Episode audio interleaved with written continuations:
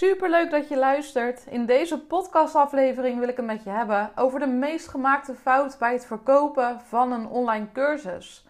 Nou, ik krijg altijd super veel inspiratie als ik klanten heb gesproken.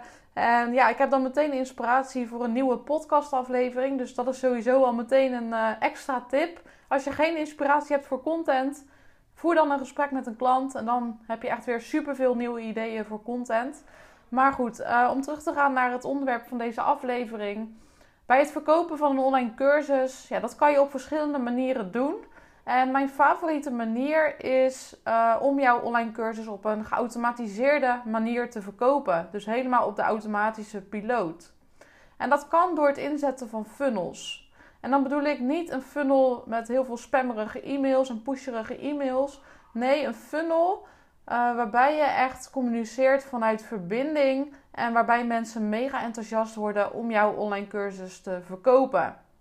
Nou, een van de meest gemaakte fouten bij het inzetten van zo'n funnel is het volgende. En dat is dat je vooral feitelijke kennis deelt in de funnel. Dus wat ik veel zie zijn e-mails waarbij heel veel feitelijke kennis wordt gedeeld. Worden concrete tips gedeeld. En ja, die e-mails die gaan vooral over de oplossing van het probleem van de doelgroep. Dus um, je praat meteen over de oplossingen, wat ze moeten doen om het probleem op te lossen. Maar wat je mag realiseren is dat mensen kopen op basis van emotie en niet op basis van feiten. Dus wat je in de funnel wil doen is niet het delen van zoveel mogelijk kennis en het delen van tips, want die kennis die wil je bewaren voor jouw betaalde aanbod. Op het moment dat je al superveel kennis weggeeft in jouw funnel en in je gratis content, dan denken mensen: Oh, super bedankt voor je tips. Ik heb jouw betaalde aanbod niet meer nodig. En dat wil je echt voorkomen. Dus wat je veel beter kan doen in je funnel is dat je je richt op de emotie van je doelgroep. Dus je wilt communiceren over de problemen en over de verlangens van je doelgroep. En je wil vooral zorgen voor een stukje herkenning in de funnel. Want mensen willen eerst gezien en gehoord worden en daarna willen ze pas geholpen worden. Dus je hoeft nog helemaal niet meteen aan te komen met de oplossing, maar je wil eerst zorgen voor herkenning bij de doelgroep. Nou, hoe zorg je nu voor emotie en voor herkenning in de funnel? Dat is onder andere door um, verhalen te vertellen, dus door storytelling toe te passen. En dat kunnen bijvoorbeeld persoonlijke verhalen zijn over jezelf. Dus in een e-mail kun je een persoonlijk verhaal delen. Dat hoeft niet een heel levensverhaal te zijn. Maar pak gewoon één situatie uit jouw leven, dus iets wat je hebt meegemaakt, en schrijf dan over die situatie. En daarbij wil je ervoor zorgen dat die situatie herkenbaar is voor jouw doelgroep. Dus in mijn voorbeeld, ik help trainers en coaches met het maken en verkopen van online cursussen. En ik weet bijvoorbeeld dat mijn doelgroep er tegenaan loopt dat ze denken van ja, wie zit er nu op mij te wachten? En ehm, ik, heb niet, ik heb nog niet genoeg kennis om een online cursus te kunnen maken. Nou, wat ik vervolgens kan doen is ik kan een persoonlijk verhaal delen over hoe ik hier zelf mee ben omgegaan met deze overtuiging. Dus ik heb zelf bijvoorbeeld ook lange tijd de overtuiging gehad van ja, wie zit er nu op mij te wachten? Heb ik wel genoeg kennis om een online cursus te maken?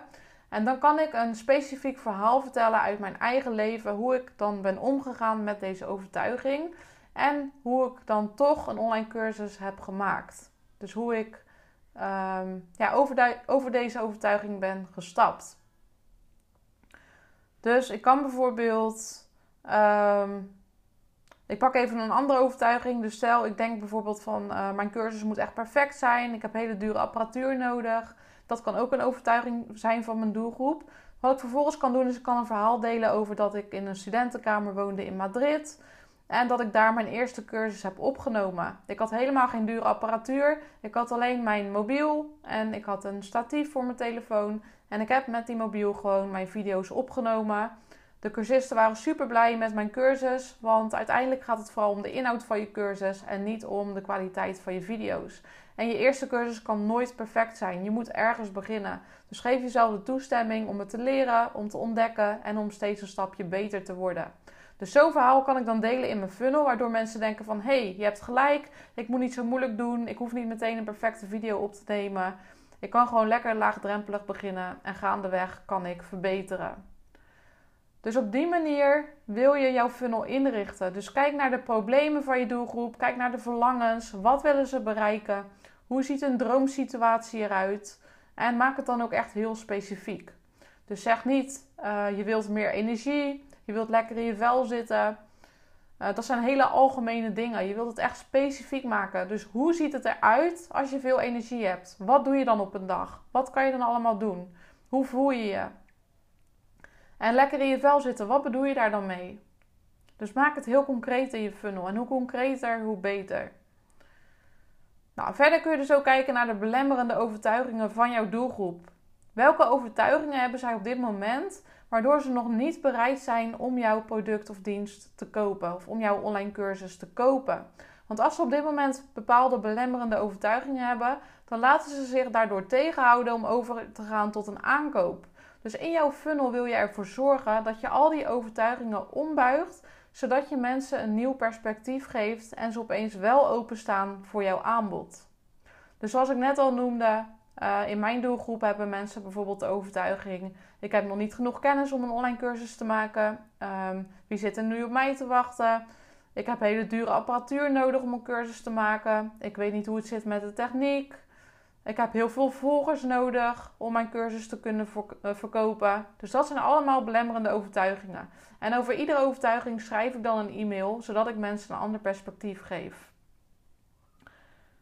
Dus als je, dit, eh, als je deze aflevering luistert, kijk dan in jouw funnel of je vooral feitelijke kennis deelt of dat je heel goed inspeelt op de emoties van jouw doelgroep.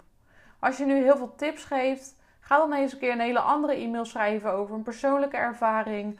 Of uh, deel een klantverhaal. Dat kan dus ook heel goed. Dus dat je uh, kijkt naar een klant die je hebt geholpen. En dat je daar een e-mail over schrijft. Dus je schrijft dan waar liep je klant tegenaan? Hoe voelde die klant zich?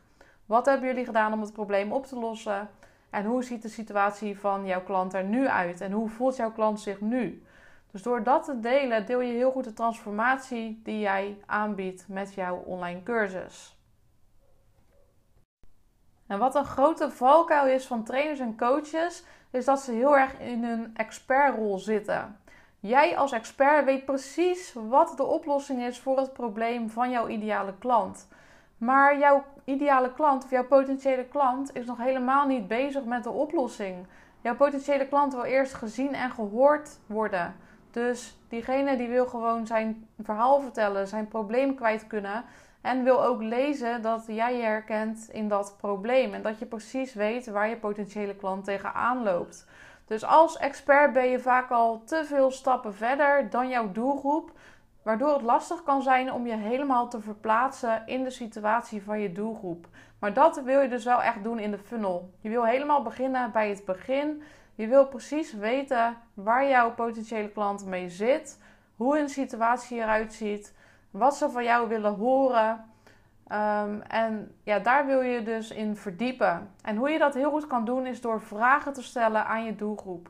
Dus wat ik bijvoorbeeld meestal doe in mijn funnel, is dat ik een hele simpele e-mail stuur. Dat heet ook wel een 9-word e-mail. En in deze e-mail stel ik één korte vraag. Dat is het enige wat ik doe in de e-mail. Dus het is een hele korte e-mail waarin alleen maar staat hoi, voornaam en dan een vraag. En de vraag die ik meestal gebruik is: wat is jouw grootste uitdaging over en dan jouw onderwerp? Dus wat is jouw grootste uitdaging met het maken en verkopen van een online cursus? Vervolgens krijg ik heel veel reacties op die e-mail. En mensen schrijven dan precies waar ze tegenaan lopen. Dus daarmee kan ik heel goed ontdekken ja, wat de problemen zijn van mijn potentiële klanten. En dat geeft mij weer heel veel input voor het schrijven van e-mails in mijn funnel. Dus dat is een hele goede tip. Vraag het aan je doelgroep waar ze tegenaan lopen, zodat je dat kan achterhalen en zodat je de exacte woorden en zinnen kan gebruiken van je doelgroep. En die woorden en zinnen kan je weer gebruiken als input voor de content in jouw funnel. En zo weet je zeker dat de inhoud van je funnel aansluit op de problemen en de verlangens van je doelgroep. Dus durf het ook te vragen en doe onderzoek naar je doelgroep. Nou, ik hoop dat ik je in deze aflevering uh, genoeg ideeën heb gegeven over hoe je jouw online cursus makkelijker kan verkopen via een funnel. Dus richt je niet alleen maar op het delen van feitelijke kennis en het delen van zoveel mogelijk tips, maar kijk vooral naar de emoties van je doelgroep. Schrijf daar herkenbare verhalen over. kunnen verhalen zijn van jezelf, het kunnen ook verhalen zijn over klanten. Neem belemmerende overtuigingen weg. En als je het op die manier aanpakt, zal je zien dat je veel meer online cursussen gaat verkopen. Heb je iets gehad aan deze podcastaflevering? Dan zou ik het enorm waarderen als je een review voor me zou willen achterlaten. Als je deze aflevering luistert via Spotify, dan kun je klikken op een aantal sterren. Dus je zou een 5 sterren review kunnen geven. En daarmee zou je me enorm kunnen helpen. En ik zou het ook echt enorm waarderen, want daardoor wordt mijn podcast ook weer vaker beluisterd. Dus alvast super bedankt voor het achterlaten van een review. En dan hoop ik natuurlijk dat je ook luistert naar de volgende aflevering. Voor nu wens ik je een hele fijne dag.